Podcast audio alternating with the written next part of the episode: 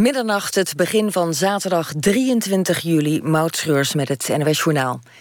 De dader van de schietpartij in een winkelcentrum in München is mogelijk dood. Volgens de politie is bij het winkelcentrum het lichaam van een man gevonden. De politie zou hebben getwitterd dat hij zelfmoord heeft gepleegd. Ze gaan er nu vanuit dat er één dader was. Eerder werd gezocht naar maximaal drie daders met geweren. Toch wordt voor de zekerheid gezocht naar meerdere schutters. De stad is afgesloten en iedereen is opgeroepen binnen te blijven. Bij de aanslag kwamen acht mensen om het leven. Ook zijn er meerdere gewonden, maar het is niet bekend hoeveel. Naar aanleiding van de schietpartij is de Duitse regering bijeengekomen voor crisisberaad. Volgens het ministerie van Buitenlandse Zaken zijn er vooralsnog geen aanwijzingen dat Nederlandse slachtoffers zijn bij de aanslag in München. Oud-president Gorbachev van de Sovjet-Unie heeft het IOC om clementie gevraagd voor de Russische sport. Het Internationaal Olympisch Comité besluit zondag of het alle Russische sporters weert van de Spelen in Rio de Janeiro. Gorbachev schrijft in een open brief dat hij bezorgd is dat onschuldigen onder de schuldigen moeten lijden. Het mondiale antidopingbureau WADA heeft aangedrongen op uitsluiting van de Russen, omdat van de week een rapport verscheen waarin wordt bewezen dat de Russische overheid bij grootschalige dopingfraude betrokken was. En het vriendschappelijke duel tussen PSV en West Bromwich Albion... dat komende dag in Arnhem zou worden gespeeld, gaat niet door. Dat heeft de burgemeester besloten. Omdat de Arnhemse politie informatie heeft... dat PSV-supporters de confrontatie willen zoeken... met supporters van andere clubs. Twee weken geleden werd ook al een oefenduel van PSV om die reden verboden. En dat, eh, die wedstrijd werd uiteindelijk achter gesloten deuren afgewerkt. Het weer, lokaal kan een bui vallen. Overdag vooral in het oosten kans op buien, mogelijk met onweer en hagel. Maxima tussen 22 en 29 graden. Zondag meer zon en het blijft zomers warm. En dit was het NOS Journaal. NPO Radio 1. VPRO. Slapen.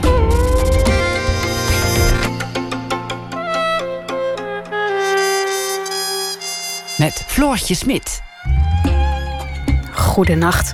Mochten er nou nog ontwikkelingen zijn in München, dan hoort u het natuurlijk meteen hier. Verder aandacht voor Urk. Hollywood is daar namelijk neergestreken. Regisseur Christopher Nolan, u weet wel, die van The Dark Knight bijvoorbeeld, die werkt daar momenteel aan een heuse spektakelfilm, Dunkirk. En die gaat dan over de deportatie van de Britse troepen uit Duinkerken in de meidagen van 1940. Zijn die nuchtere eilanders eigenlijk onder de indruk van al die topacteurs in hun Urk? We horen het strakjes na ene.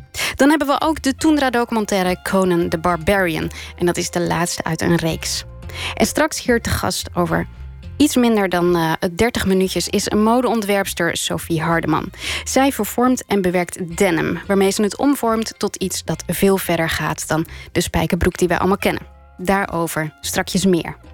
Nu eerst het hoorspel half uur met Binnenland 1, nieuwsfictie vanuit de binnenwereld, gepresenteerd door Ronald Snijders. Graag tot straks. Het is de hoogste tijd voor het hoorspel half uur. Elke vrijdagavond rond deze tijd op NPO Radio 1. Tour de France Extreme. Na de normale ronde van Frankrijk is er nu ook de Tour de France Extraordinaire. Tour de France Extreme. Een maar liefst drie jaar durend wielerspektakel.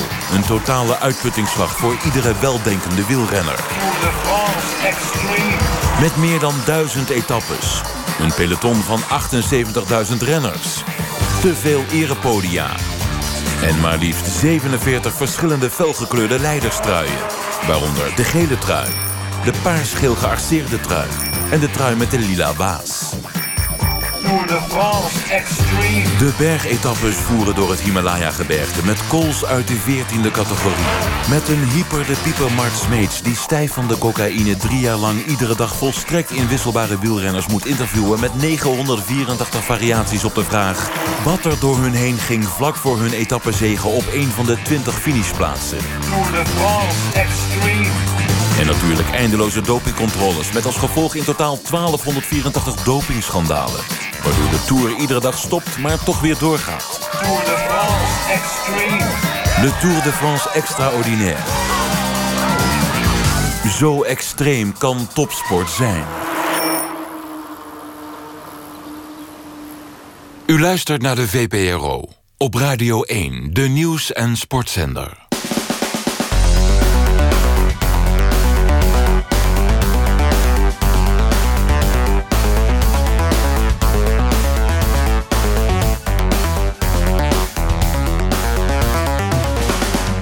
Binnenland 1. Het radiomagazine met nieuwsfictie vanuit de binnenwereld. Presentatie Ronald Snijders. Goedenavond, luisteraars. Een hele prettige avond en tot volgende week. Maar eerst de uitzending. We gaan het hebben over de nieuwste trend van dit jaar. En dat is nog altijd kinderloos sterven. Althans, dat beweert trendwatcher Nono Vermeulen. Ook een gesprek met journaalregisseur Tim Eggeboom... in het kader van onze zomerserie... Wat doen mensen eigenlijk allemaal voor hun beroep in het binnenland? En dan is er nog onze zomerserie... Wat doen mensen eigenlijk allemaal voor hun hobby in het binnenland? En daarin spreken wij met Loes. En zij verzint adressen. Verder gaan de Olympische Zomerspelen dit jaar definitief naar China. Zo besloot een commissie van dronken mannen gisteren in Delft. En daar gaan we niet meer praten, ze hebben een kater. Verder veel zomerse reportages, de zomerneologisme... en nieuws, achtergrondgesprekken en spot. Komkommers bevatten geen kankerverwekkende stoffen. Dat is te lezen in het onderzoek dat de Universiteit van Mainz onlangs publiceerde... onder de titel Komkommers weinig nieuws te melden. Wel wijzen de onderzoekers erop dat dit niet geldt voor komkommers... die zijn ingespoten met arsen of cadmium... of komkommers die zijn verpakt in een dunne laag asbest.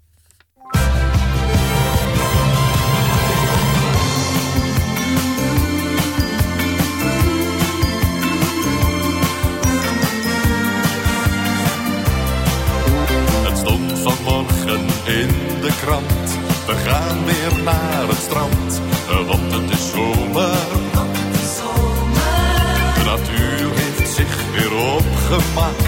De zon is er weer ontwaakt, want het is zomer. Terrasjes vol gezelligheid, we hebben alle tijd, want het is zomer. De vogels zingen weer hun lied. En iedereen geniet, want het is zomer. Kijk, de buurvrouw van hiernaast heeft haar kleren En de deurwaarder komt langs met rode rozen. Bij het orgel in de straat dansen kinderen in de maat. In de zomerste buurt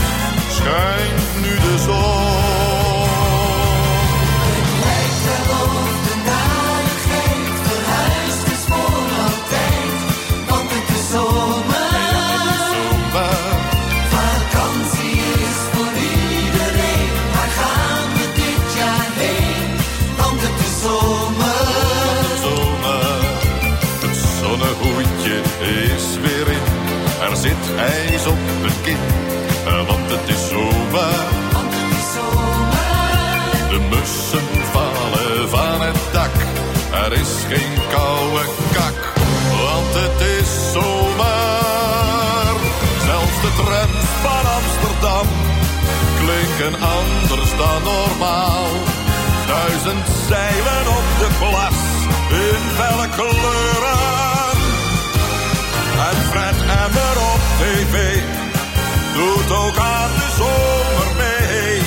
En het weerbericht luidt de bel voor de zon.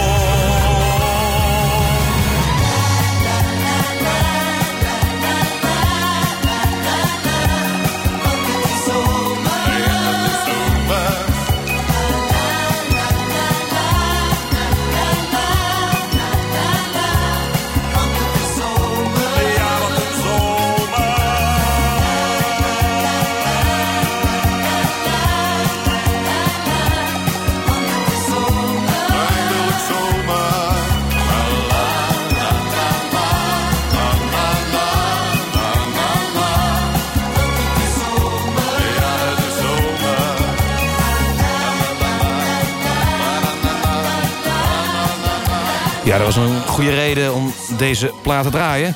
Want eh, het is zomer. André van Duin. Nieuws van de telex. Nieuws van het morseapparaat. Nieuws. Nieuws. Sport. Bettine Vriesekoop heeft zich niet gekwalificeerd op het toernooi op de lange afstand. Ze speelde 3-6, 6-5 en 6-1 en kreeg de lat niet hoger dan haar tegenstander... de 11-jarige Pool Petra Wierkanovic. Haar trainer Herman Moerkers vroeg zich af in welke sport Vriesekoop zich nou uiteindelijk niet heeft gekwalificeerd. Ja, aan de ene kant het toernooi. Maar ja, dan ging het wel om een kwalificatie op lange afstand. Dat wijst er op schaatsen, wel. Maar ja, die uitslagen van 6-3 en 6-5 enzovoort... die wijzen toch weer op een soort van balsport. En dan zo'n lat en een jonge Poolse tegenstander. Ja, dat doet denk ik aan turnen. Ja, op een gegeven ogenblik weet je als coach ook niet meer waar je op moet trainen, hoor. Nieuws. In Brussel is het Europees Parlement gevestigd. Dit blijkt uit een 8000 pagina's tellend rapport van de Universiteit van Mainz. Onderzoekers troffen in de Belgische hoofdstad een groot gebouw... met een aantal wapperende Europese vlaggen aan. Op archiefbeelden zijn ministers te zien die dit gebouw in- en uitlopen. Uit een enquête onder 100 Europarlementariërs... bleek dat maar liefst 100 ondervraagden Brussel noemden als de zetel van het Europees Parlement. Alle tekenen wijzen dus richting Brussel. Allee, zeg maar, laat Mainz ook eens naar zichzelf wijzen. Aldus een burgemeester van Brussel die zijn naam niet wilde noemen. Binnenland 1 brengt de actualiteit terug in het nieuws. Kinderloos sterven is weer helemaal in. Trendwatcher Nono Vermeulen en verslaggever Daan van Tweel... gingen op onderzoek uit in Amsterdam. Uh, we lopen hier in de voormalige PC Hoofdstraat... Uh, met de Nono Vermeulen, de beroemde Trendwatcher natuurlijk. Het is, hier staat ze weer bij een etalage. Wat een risico, hè? Dat is weer mooi. Oh, dit is gekste. hey, maar sorry, ik wil heel even over dat kinderloos sterven. Want daar, uh, daar uh, weet jij veel van af. Ja, nou, kinderloos sterven, dat was natuurlijk al helemaal uh, in onder jongeren, zeg maar. Dat zag je vroeger al in onderzoeken van Trendwatch. Maar je ziet nu ook steeds meer dat mensen op latere leeftijd kinderloos sterven. En dat is echt iets van de laatste tijd. Ja, en volgens mij zijn dat dus diezelfde jongeren van vroeger. Jong geleerd, oud gedaan. Ja. maar vertel eens, waar zijn we nu? Nou, we zijn in de voormalige PC Hoofdstraat uh, te Amsterdam. En dit is een winkel waar ik vaak kom. En hier komen veel mensen die uh, voorop lopen. Zeg maar een beetje avant-garde, zeg maar. En um, ja, als ik hier dingen signaleer, dan betekent dat dat het volgend jaar de trend is. Dat het zich meestal doorzet naar de, naar de hip and happening. En het jaar daarop echt de H&M-trend voor het plebs als het waar is geworden. Ja. En ja. Uh, wanneer zag je dan de eerste trendsetters kinderloos sterven? Nou, uh, vorig jaar hier bij Keizer en Keizer, echt bij bosjes. Ik noem een Leontien Bersato, een Estelle Gullet, al die maar, maar dat zijn toch geen echte trendsetters? Niet hip of happening, maar vooral uh, niet kinderloos en ook nog niet dood. Nee, daar heb je een klein puntje. En dat zijn misschien uh, niet zulke goede voorbeelden. Maar die uh, zie je hier wel veel. En dat is iets waar ik als trendwatcher heel veel mee kan. Zelf. En wacht even, fuck. Oh, dat is Connie Breukhoven. Oh, god, wacht even hoor. Wacht even. Heb jij... Uh, geef me even jouw mobiel. Wat is er? Ik wil even met jouw mobiel hebben. Ja, wacht even. Hier, hoe werkt die? Hoe werkt die camera? Je moet op dat sterretje... Oh, wacht, en dan... oké, okay, ja. Oké, okay, te gek. Te gek. Maar kinderloos sterven begon hier... Oh, wacht even hoor, even de foto doorsturen aan Vipspotting. Oké, okay, kinderloos sterven. Nou, denk aan uh, Jody Bernal. Dat zou echt mooi zijn, hè? Ik bedoel, mooie jongen, geen kinderen. Hè? Uh, wie heb je nog meer? Ik noem een Jolante. Ja, dat zou natuurlijk, ja, die moet natuurlijk wel opschieten. Niet dat je denkt dat Jolante dood wil hebben, hoor. Nee, natuurlijk niet. Wat zou goudkus zijn zonder Jolante? Ik bedoel... Uh... Onderweg naar morgen, dacht ik. Nee, nee ja... God. Maar ik bedoel, uh, het zou mooi zijn als zij en Jan Smit later, hè, veel later, als ze oud en gelukkig zijn, dat ze dan kinderloos sterven. Oh, denkt iedereen dat ik echt een harde tante ben? Nee, maar dat ben ik niet hoor. Ik bedoel, ik, ik steek gewoon mijn vinger in het water van de tijd om de temperatuur te voelen, zeg maar. Mijn teentje zo in dat zwembad als het ware.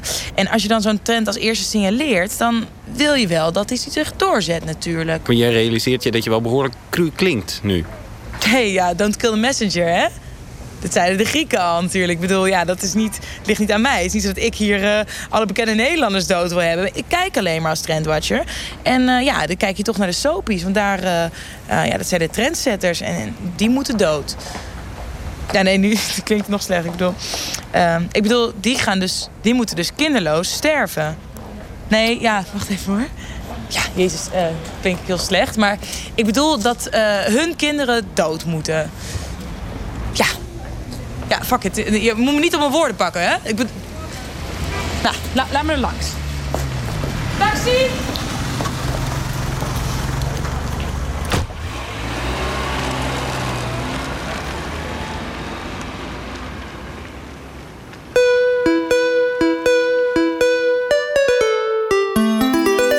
Nieuwsfictie.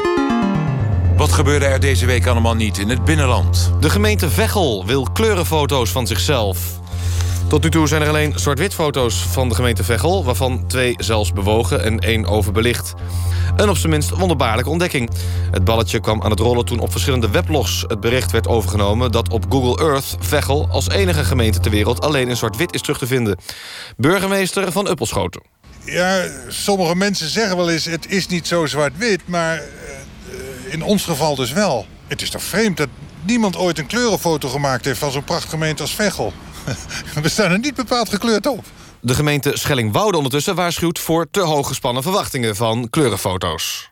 We hebben dan inderdaad eh, kleurenfoto's, maar ja, dan kun je niet zonder camera met rode ogenreductie. En, eh, en, en als je digitaal eh, fotografeert, dan kun je misschien met Photoshop daar nog wat aan doen. Maar ja, zelf vinden wij het resultaat dan ja, uiteindelijk toch tegenvallen. Zwart-wit foto's zijn artistieker en wij als gemeente zweren juist bij zwart-wit foto's. Binnenland 1 plaatst voorgronden op de achtergrond. We zijn aangekomen bij onze rubriek... Wat doen onbekende mensen in hun vrije tijd? En wel in het binnenland natuurlijk. Eh, een leuke hobby is adressen verzinnen. Deze tip die kregen we van Loes. Adressen verzinnen. Hoe gaat het in zijn werk, Loes? Nou, dat is heel simpel. Ehm, je verzint een adres. Ja. Eh, bijvoorbeeld ehm Rozenhartstraat 22 Huis. Of, of, eh, of Sumatraplein 13. Of Houtlaan 71 Bies. Eh, wat natuurlijk veel leuker is om ook eh, mensen te verzinnen die op die adressen wonen. Bijvoorbeeld ehm, Flip van der Zanden. Flip, tuurlijk. Ja, ja, een jonge fotograaf. Zijn vriendin Adèle is eh, onderwijzeres op een basisschool. Ja. Nou. Ze zijn van plan om volgend jaar samen een huis te kopen. En ehm, nou, daarna wil Adèle dan graag kinderen. Ja. Flip die is er nog niet aan toe, maar voor Adèle begint de biologische klok te tikken. En bovendien hebben alle vriendinnen inmiddels ook wel kinderen. Dus nou, Adèle wil ook wel eens. Ja. Dat zit jij dus gewoon allemaal te verzinnen, Loes? Ja, dat verzin ik allemaal. Als het, lekker, als het regent, zit ik lekker aan tafel met een bloknoot dat allemaal te verzinnen. Dan schrijf ik het op. En wat doe je dan als je het allemaal verzonnen hebt? Ja, je bent nooit klaar. Flip bijvoorbeeld, die, ehm, die kan voor een tijdschrift in Gorkum gaan werken. Maar A- Adèle die heeft haar werk eh, daar in Amsterdam, dus die wil daar niet weg. Dat geeft thuis dan best spanningen, maar daar komen ze samen wel uit. Ja, Loes, moet ik me zorgen gaan maken? dat is niet nodig. Want wat ik nog niet verteld had, is dat Flip niet alleen vanwege die baan bij het tijdschrift naar Gorkum wil. Zijn familie, die woont in eh, Eerdam, daar vlakbij. Dus en zijn moeder die is lichamelijk niet meer helemaal 100%. Dus dan wil hij graag wat vaker bij haar zijn om eh, boodschapjes te doen. Ze heeft wel, wel twee keer in de week een werkster, maar ja, daar houdt het niet over. Loes, niet veel. Loes, heb je wel eens hulp gezocht? Nee, nee, je kunt het heel makkelijk in je eentje verzinnen. En de moeder van Flip is Ja. een flinke. Zussen van Flip helpen Ja. ook. Maar goed, ja, kan je je natuurlijk wel voorstellen dat Flip er voor zijn moeder wil zijn. Tuurlijk. En Adèle die kan het prima vinden met de schoonmoeder hoor. Dus dat wordt wel serieus overwogen daar op de Rozenhartstraat. Alleen eh, ja, is er werk voor Adèle in die omgeving. Bovendien, ze heeft nou Ja. wel die vaste baan. Als ze ergens anders gaat werken, krijgt ze eerst weer een eh, jaarcontract.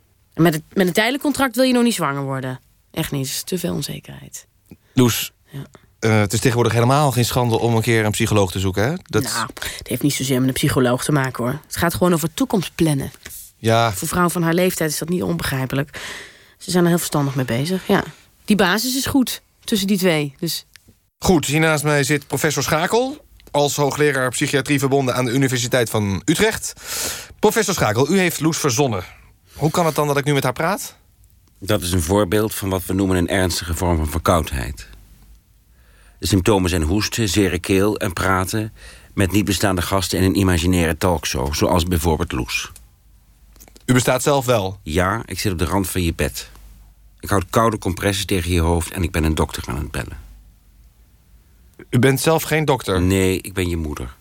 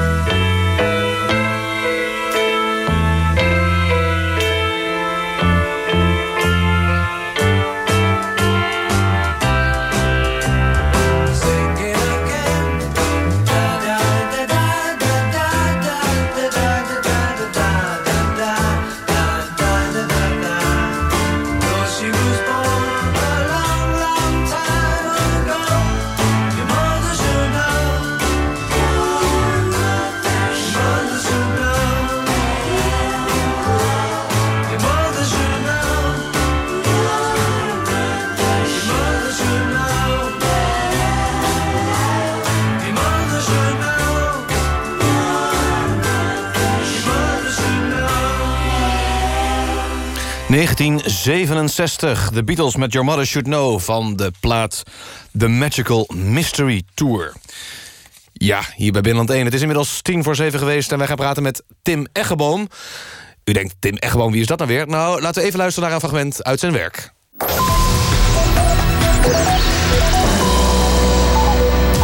Ja, Tim Eggeboom, sinds 1998 de regisseur van het inmiddels legendarische 8 uur journaal van de publieke omroep. Een regisseur die garant staat voor degelijkheid en continuïteit. Maar dat is niet altijd zo geweest. Bij zijn aanstelling kwam hij binnen met de meest wilde plannen, maar moest hij al vrij snel baksel halen, vertelt Eggeboom. Nou ja, mijn eerste studiodag wilde ik het journaal openen met een eh, helikoptershot van Philip Freriks achter zijn desk. En toen werd ik er eigenlijk al direct op gewezen dat het gebouw er niet op berekend was. Er zit weliswaar een, een systeemplafond in, maar als je dat weghaalt, dan win je hooguit 30 centimeter. En dat is te weinig voor een goed helikoptershot. Zeker als je, als je veiligheid belangrijk vindt. Want je moet rekenen dat de NOS toch zit met die omroep-CAO. Maar niet alleen helikoptershots moesten het veld ruimen... ook de kudde buffels kwam te vervallen. Los van dat je een kudde buffels met een studiocamera... die ik tot mijn beschikking had, eh, nooit mooi filmisch in beeld krijgt... eh, zijn er in Nederland gewoon te weinig buffels. Ja, maar ja, het leek me juist zo mooi om, om die camerabeweging te maken... over die buffels naar Frerichs, die dan eh, met, met zijn verhaal begint over dat nieuws in het kort. Hè. Zeker met al die berichten over het conflict in het Wilde Westen. En ik, ik begon dan met muziek van Ennio Morricone. En dan pent de camera over de canyon naar Frerichs achter zijn desk... met, met voor de autocue, shot op zijn rug. Saloondeuren klappen open. Totaal een saloon. Vredesbesprekingen. Olmert en Abbas zitten aan de tafel. En dan een close-up Olmert. Olmert loopt tergend langzaam naar de deur. Abbas op de rug. Muziek zwelt aan. Zonsondergang zien we. Maar goed, dat bleek ze allemaal niet te kunnen. Die filmpjes uit het Wilde Westen zijn allemaal al opgenomen... door van die schoudercamera-regisseurs... die meer bezig zijn met nieuwsgaring... voorzien van eeuwige voice-overs. Dat, dat uitleggerige van dingen die ik overdag al lang op nu.nl heb zien voorbij komen. In plaats van het betere filmdrama met spannende beeldtaal... en het, het belangrijkste, hè, een goed script. Het is allemaal zo, zo. Het is allemaal actueel. Rush, rush, rush. Eh, vanmiddag gebeurt, vanavond op tv. Terwijl als je er achteraf nog eens naar kijkt... dan zijn het hele magere, repeterende plotjes. Dat het NOS-journaal zoveel magere plotjes kent... ligt aan het personeelsbeleid, al dus Eggeboom. Zal ik juist vertellen hoeveel, hoeveel, hoeveel scriptschrijvers er op het journaal zitten? Nul. Klokhuis die heeft er nog meer. Dat, dat is niet eens een speelfilm. Maar goed, eh, ja, god, we kunnen het krijgen zoals we het hebben willen hoor. Eh, ik, ik kom gewoon vijf voor acht binnen.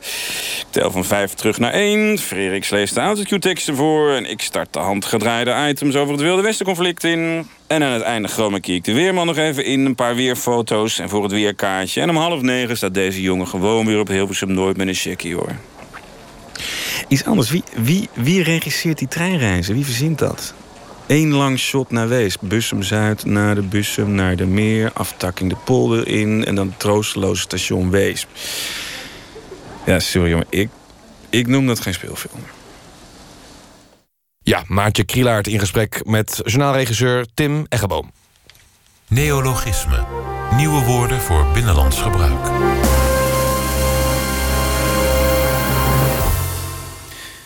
De zomereditie van dit onderdeel van het programma. Wat houdt het in? Normaal gesproken dan eh, stuurt u uw betekenissen op van door ons verzonnen nieuwe woorden. Maar dit keer hebben wij gedoken in ons eigen archief.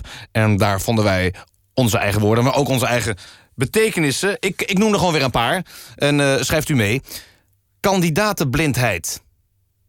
is een aandoening onder quizmasters die hun kandidaten niet kunnen zien. Graafvliegtuig. Een vliegtuig aan de onderkant voorzien van een schep om kuilen mee te graven. WC-kruif. is een schoonmaakmiddel geleverd in een fles in de vorm van Johan Cruijff... waarmee bijzonder lastig onder de randen kan worden gespoten. Onhandig ook omdat elke fles 14 liter bevat. Eh, groothuiswaanzin iemand die in een heel klein huisje woont, maar te grote meubels koopt, te lange gordijnen en te veel behang. Dat waren de neologismen voor deze week. Volgende week hebben we natuurlijk weer veel meer neologismen. Dus ja, allicht uh, misschien de moeite waard om even te luisteren. Kijk ook op onze website www.binnenland1.nl. En heeft u reacties, zelf nieuwe woorden of bent u op zoek naar onze website... stuur dan even een mailtje naar binnenland1.vpro.nl. Binnenland 1. Geen nieuws is goed nieuws.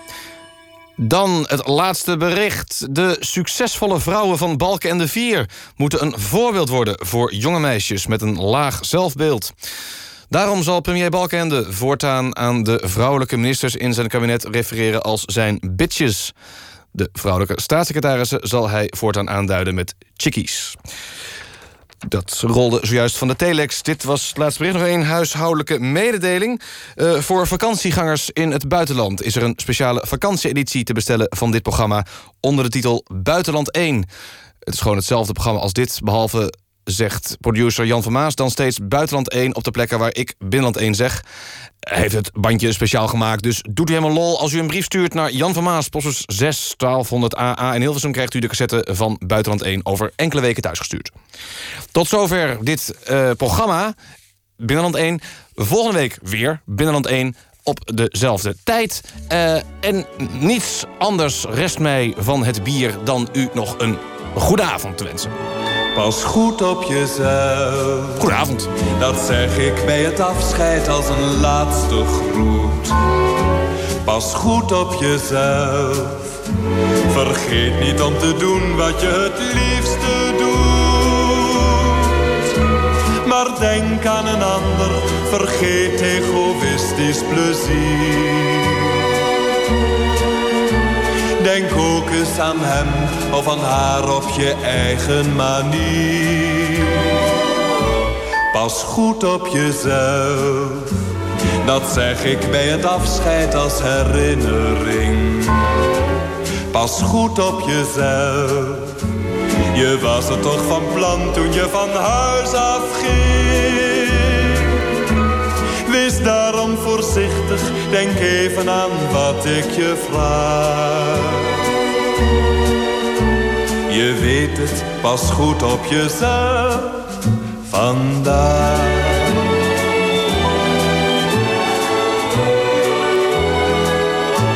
La la la la la La la la la la la la la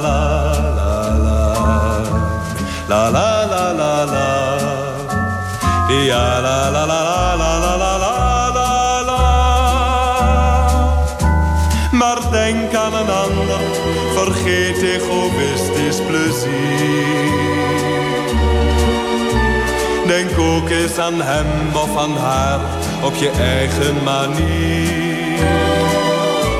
Pas goed op jezelf, dat zeg ik bij het afscheid als herinnering. Pas goed op jezelf. Je was er toch van plan toen je van huis afging. Wees daarom voorzichtig, denk even aan wat ik je vraag. Je weet het, pas goed op jezelf. Vandaag. Dag.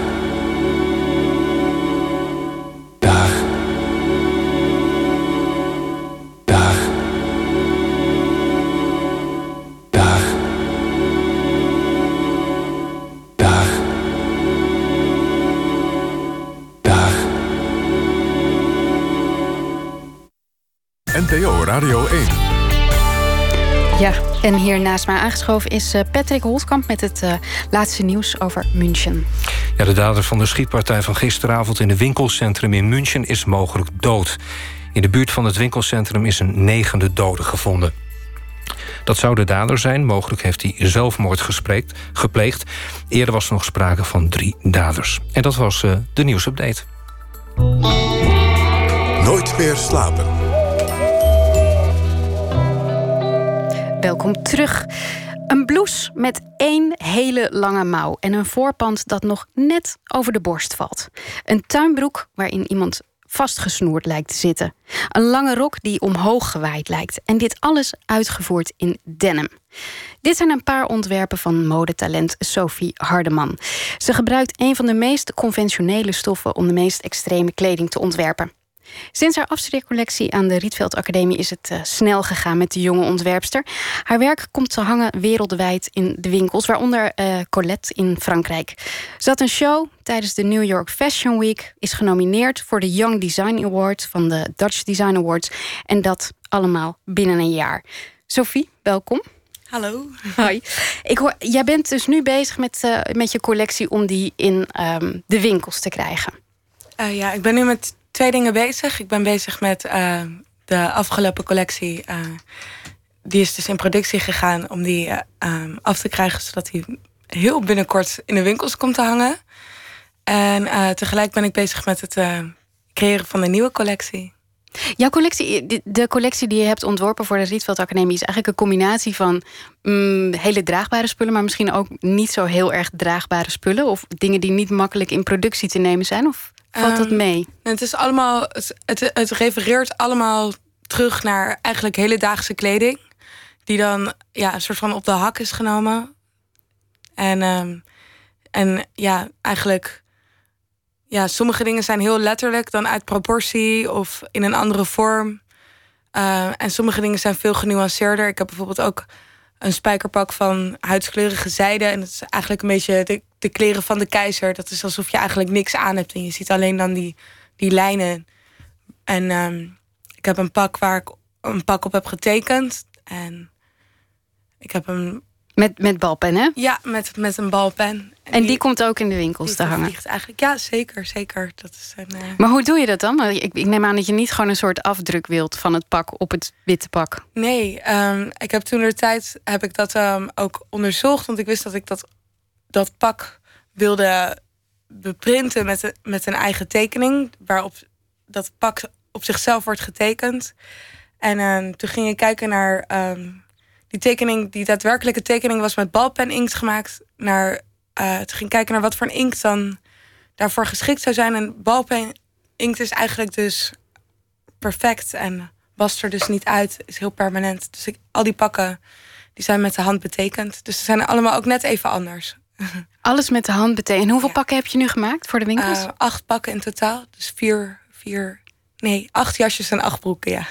Denk je dan niet als je dat dan aan het doen bent... Heb je het allemaal zelf gedaan met de pen? Ja, en uh, met hulp van vrienden, stagiaires, moeders en mijn zusje.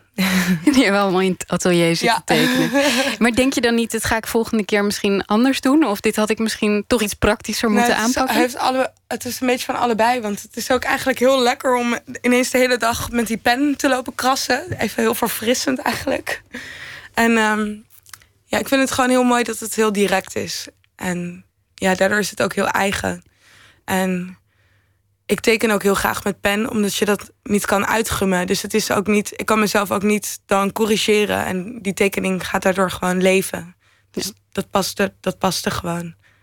Jij zei het al, het is eigenlijk, je, je bekijkt naar uh, bestaande kledingstukken die uit proportie lijken getrokken. Ik heb naar je collectie gekeken. Ik dacht soms, het is bijna alsof iemand in gevecht is gegaan met die, met die kledingstukken die we kennen. Met, met een blouse eraan heeft getrokken. En het alles, alles een beetje um, uh, anders gevormd is. Eigenlijk alsof een hele dwarse geest bezig is geweest met een hele dwarse stof. Um, ja, maar dat het een dwarse stof is, heeft ook eigenlijk heel erg veel voordelen. Want omdat het zo stevig is, kan je juist heel erg die vorm een beetje anders aanzetten. En dan ja. Waarom werk je er zo graag mee? Is dat daarom? Uh, voor mij is het, is het echt gekomen vanuit dat ik normaliteit anders wilde portretteren. En daar kwamen een beetje abstracte vormen uit. En dat, ik wilde gewoon heel erg dat het bleef relateren aan dagelijksheid. En, en aan ja, dat iedereen dat zou kunnen begrijpen. En, en daardoor moest, ik, moest de basis iets zijn wat dan ook heel herkenbaar zou zijn. En werd het dus de spijkerbroek. Jij dacht iedereen kent een spijkerbroek, dus ja. als ik daar iets dus raars mee uithaal... Dat, ja, op het moment dat ik dat dus transformeer, dan... Ja. Wordt het wat anders. Is het makkelijk om met spijkerstof te werken? Doet de stof wat je wil? Nou ja, ik, het is nu... Voor mij is dat natuurlijk... Ik werk daar heel veel mee en begrijp ik hoe die stof werkt. Ik denk dat iemand die trouwjurken maakt, die zou erbij vloeken en die werkt alleen met, met kant. En ja, dus ik vind, het, ik vind het heerlijk. Het is heel stevig. Maar het is ook. Ik werk ook met andere stoffen. Want heel veel spijkerpakken zijn dus niet in spijkerstof gemaakt. Um, en zijn het alleen dus die stiksels? Of is het die vorm? Of de kleur? Of ja, dus het is ook niet al, alleen maar echt denim. Ja. Had jij, had jij vroeger een lievelingsspijkerbroek? Mm, ik had als kind vaak een tuinbroek aan. En op een gegeven moment, daar kwamen steeds meer gaten in en daar, die versierde ik dan. En uh, dat was wel echt mijn lievelingsspijkerbroek. Op een gegeven moment was er ook helemaal niks spijkerstof meer aan over, zeg maar. Het grappige vind ik ook dat als, als je op zoek gaat naar een goede spijkerbroek, hè, wat dan in de blaadjes of in de modeblaadjes een goede spijkerbroek heet, dan moet het een goede pasvorm hebben en je, je billen moeten er een beetje mooi in uitkomen. En volgens mij is wat jij doet eigenlijk het omgekeerde. Um, ja, nou, dat, dat met bepaalde stuks zeker. Het is altijd een soort onderzoek eigenlijk. En ja, iedereen, iedereen kleedt zich natuurlijk op een bepaalde manier waar die zich goed bij voelt. En waar voel je je goed bij? Bij wat een soort van ja, trendy is, of wat, waar, waar, wat een soort van de norm is, of waar, waar je, je inderdaad je heupen goed in uitkomen of zo. Maar uiteindelijk heeft toch de helft van die mensen dan toch een broek aan die eigenlijk ook niet past. Of een soort van. Ja, als het drie keer gewassen is, is het ook die broek niet meer. En ja, we, iedereen is toch onbewust bezig met zich op een bepaalde manier te kleden. Ook al ben je, zeg je van, ik, ik geef er niet om of ik ben niet zo idealistisch. Het speelt toch. En het zijn juist die kleine dingen die ik dan daar soms uit kan pakken. En ja, dat bijvoorbeeld een broek te klein is en je onderbroek hangt er bovenuit. Dat heb ik dan geïntegreerd in een spijkerbroek. Om dat juist te benadrukken in plaats van te verbergen. Is het. Um, maar je benadrukt meestal wel het, het, het ongemak, toch? In je ontwerpen. Ja, maar het ongemak kan heel klein zijn. Dus het is misschien. Ja, soms is het natuurlijk super ongemakkelijk of. Um, ja, heel duidelijk te zien heel verhalend. En soms zijn het gewoon meer kleinere dingetjes. Noem eens iets kleins. Um, nou ja, bijvoorbeeld... Um, ik heb een, bijvoorbeeld een mini rokje. En die is net iets te kort, dus je billen hangen er net onderuit. En ja, het is eigenlijk gewoon een heel normaal spijkerrokje. Maar no way dat het een soort van je billen bedekt. Dat soort dingetjes. En dat is eigenlijk iets wat heel vaak gebeurt. Dat het gewoon ja, net een beetje knelt of flipst. Heb jij, ehm, waar haal je dan je inspiratie vandaan? Waar, waar zoek je dit soort. Zoek je geen inspiratie? Ja, wel. Nou ja, het is overal. Ik ben constant geïnspireerd. Het is, het is, en het is vooral eigenlijk gewoon op straat waar, waar het leven zich bevindt. Dat is niet in een, uh, op een bepaalde plek. Dat zijn juist gewoon, is gewoon in de supermarkt of op, op, op school, op de crash, in de tram. Ik ben gek op, ik ben gek op drukke plekken. En, een wasseretter heb je ook een keer genoemd, hè? Oh ja, ja, omdat dan mensen hun was aan het doen zijn en er, er, niet over nadenken hoe ze eruit zien. Omdat ze, nou ja, ze denken er niet over na, omdat alles zit in de was. Dus het is een soort van uit noodzaak gecreëerde outfit. Eigenlijk, je houdt eigenlijk het meeste van mensen die zich niet bezighouden met hoe ze kleden. Ja, nou ja, met onbewust onbewust een bepaalde kledingstijl. Ja. Je hebt um, de, spijkerstof staat heel erg ook voor rebellie, hè? Nou, in de jaren zeventig was een spijkerbroek natuurlijk een symbool van vrijheid. En ja, en dat heeft verschillende fases doorgemaakt. Het werd ja, van de nozems tot de feministen. En nu van de zakenman die zijn spijkerbroek aandoet naar zijn werk. Um, ja, dus het heeft nog steeds een soort van ja, een, een, best een, een vrijzinnige feeling. En ik denk ook dat daarom het in Nederland ook populair is. Want het is stoer, maar toch, ja, ook toch wel weer behouden. Want zo spannend is het nou ook weer niet. Het is ook een soort uniform.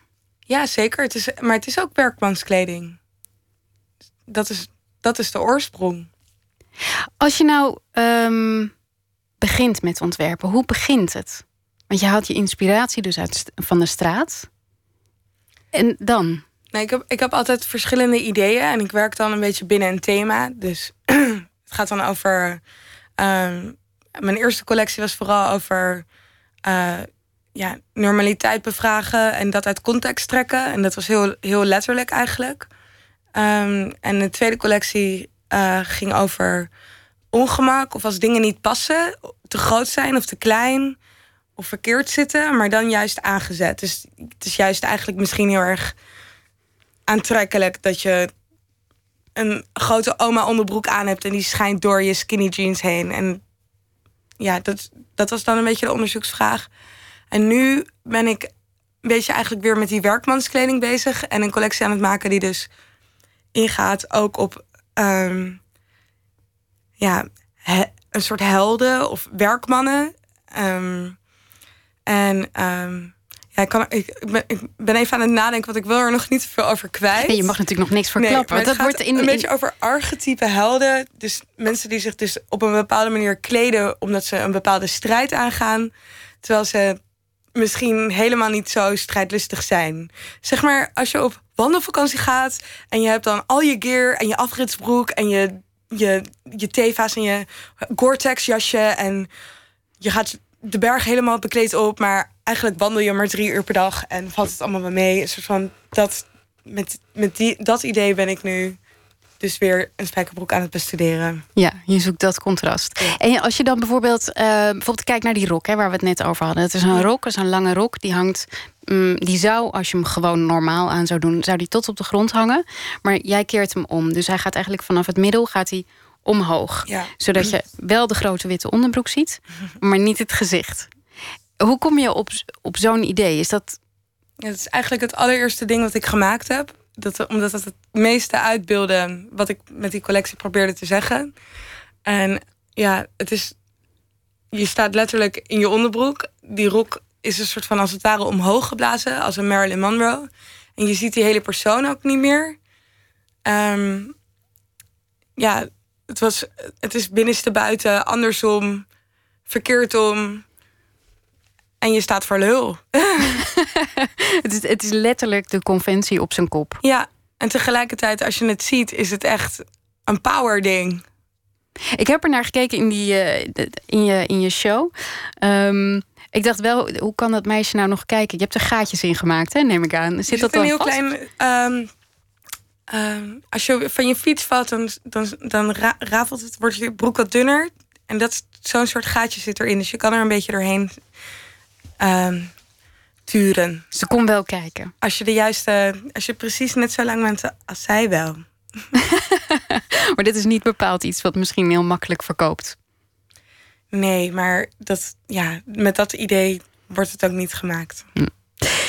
Er zit altijd wel een beetje humor bij jou in, hè? Het is niet heel ja, het serieus. moet echt luchtig blijven. Want het is ook, ik vind het echt heel belangrijk dat het, dat het ook een beetje, het is ook een beetje lol trappen. Want mode is ook, ja, het is ook een systeem waar ik soms helemaal mee in de, in de, in de knoop kom. Omdat het toch eigenlijk erom draait dat, dat het ja, mensen een identiteit of een zelfbeeld verkoopt.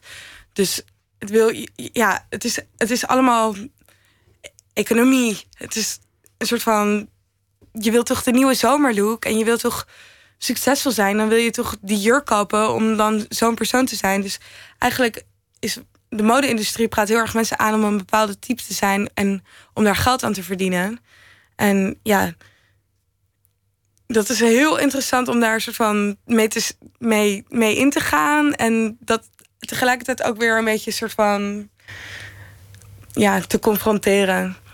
Maar je klinkt er wel een klein beetje. ehm, je hebt er wel kritiek op, op, op dat mensen, of dat de mode-industrie dat zo bepaalt. Nou ja, maar, maar wat, wat natuurlijk lastig is, is dat, ehm, dat het mensen heel erg onzeker maakt eigenlijk. En dat mensen spullen kopen waar ze, niet per se gelukkiger van worden of die er niet toe doen. Of ja, er zijn veel te veel spullen. Eigenlijk hebben we al die kleren helemaal niet nodig. Het gaat eigenlijk helemaal niet om die kleren. Zegt de vrouw die kleren ontwerpt. ja, en ik hoop wel dat mijn kleren dat dan toch een soort van uitstralen ook. Ja, ik eh, praat met eh, Sophie Hardeman, die is eh, ontwerpster. Ze werkt graag met dennen, maar niet alleen, zei ze net al. Ehm, je bent niet alleen rebels in, in de manier van waarop je eh, de kleding gebruikt, maar eigenlijk ook in de keuze van je modellen. Hè? Ehm, op je laatste show heb ik een, een mevrouw gezien, bijvoorbeeld met een haaslip. En eh, een van de muzes die jij vaak gebruikt, die is geportretteerd in een Volkskrant afgelopen week. Gert-Jan. Gert-Jan Franciscus. Niet een heel erg modetype. Hij heeft zelf een eh, nogal smalle kippenborst, zei hij. Waar, ehm, waarom trekken dat soort mensen je aan? Het is voor mij heel belangrijk om gewoon Jan en Alleman te representeren. En daarin verschillende, ja, verschillende types te hebben. En dat, dat, kan iedereen, dat kan iedereen zo wat zijn. En het is voor mij ja, belangrijk om gewoon diversiteit te representeren. Maar het is meteen een statement. Hè? Als je mode maakt en je stuurt niet eh, de geëikte modellen de catwalk op... dan is het toch eigenlijk meteen een statement, of niet? Ja, alles is een statement op het moment dat je het op de catwalk neerzet. Want dat is dan je, je toonbeeld. Maar ja, zeker. Is het, is dat, ligt, ligt daar ook in dat je. ehm, ligt daar eigenlijk ook die kritiek in? Dat dat mensen onzeker maakt? Zeg, de modellen die je wel ziet Ja, doorgaans? absoluut. Want je, je, omdat je dus niet op iemand hoeft te lijken om iemand ja, te zijn die je niet bent. Dat je, ja, Het is toch, het is toch grappig, want ik, ik dacht eigenlijk altijd dat als je mode ging studeren, dat je dat dan werd omdat je dan altijd heel dromerig door de volk zat te bladeren als een soort wenswereld. Dat heb jij dus nooit gedaan. Absoluut. I love, I love door de volk bladeren. Tuurlijk, vooral mijn horoscoop. Maar ja, het is voor mij echt... Ik vind het heel leuk om te naaien. En omdat het een soort van... Toch een soort van... eh, niet archeologie, hoe noem je dat? Met huizen? Architectuur? Ja, architectuur. Het is echt een soort van plattegrondjes. En dan moet je dat soort van 3D gaan vormgeven. En het is een beetje ge, gepuzzel. Dat vind ik heel erg leuk. Maar tegelijkertijd is het voor mij gewoon eh, puur een onderzoek naar, naar de samenleving eigenlijk. En die ik, ja, waar ik ook heel veel plezier aan beleef. En wat ik heel graag wil laten zien. En die presentatie is niet alleen kleding. Ik heb voor mijn gevoel ben ik ook niet een, een, een kledingmaakster. Maar is het veel meer dat ik dat, ik dat beeld neerzet van, van wat ik om me heen zie of wil creëren. En daardoor werk ik ook niet per se in een modeshow, maar maak ik veel liever een film. Ik heb afgelopen keer met Emma Westenberg een film gemaakt, Blue and You. En daarin komen al die elementen samen. Dus het is niet alleen die kleding, het zijn inderdaad ook de types die het dragen. Het is ook de omgeving of het verhaal en de tekst of de beweging of de plek. Het doet er allemaal toe en het voegt allemaal toe aan, aan, aan het idee. En het idee, het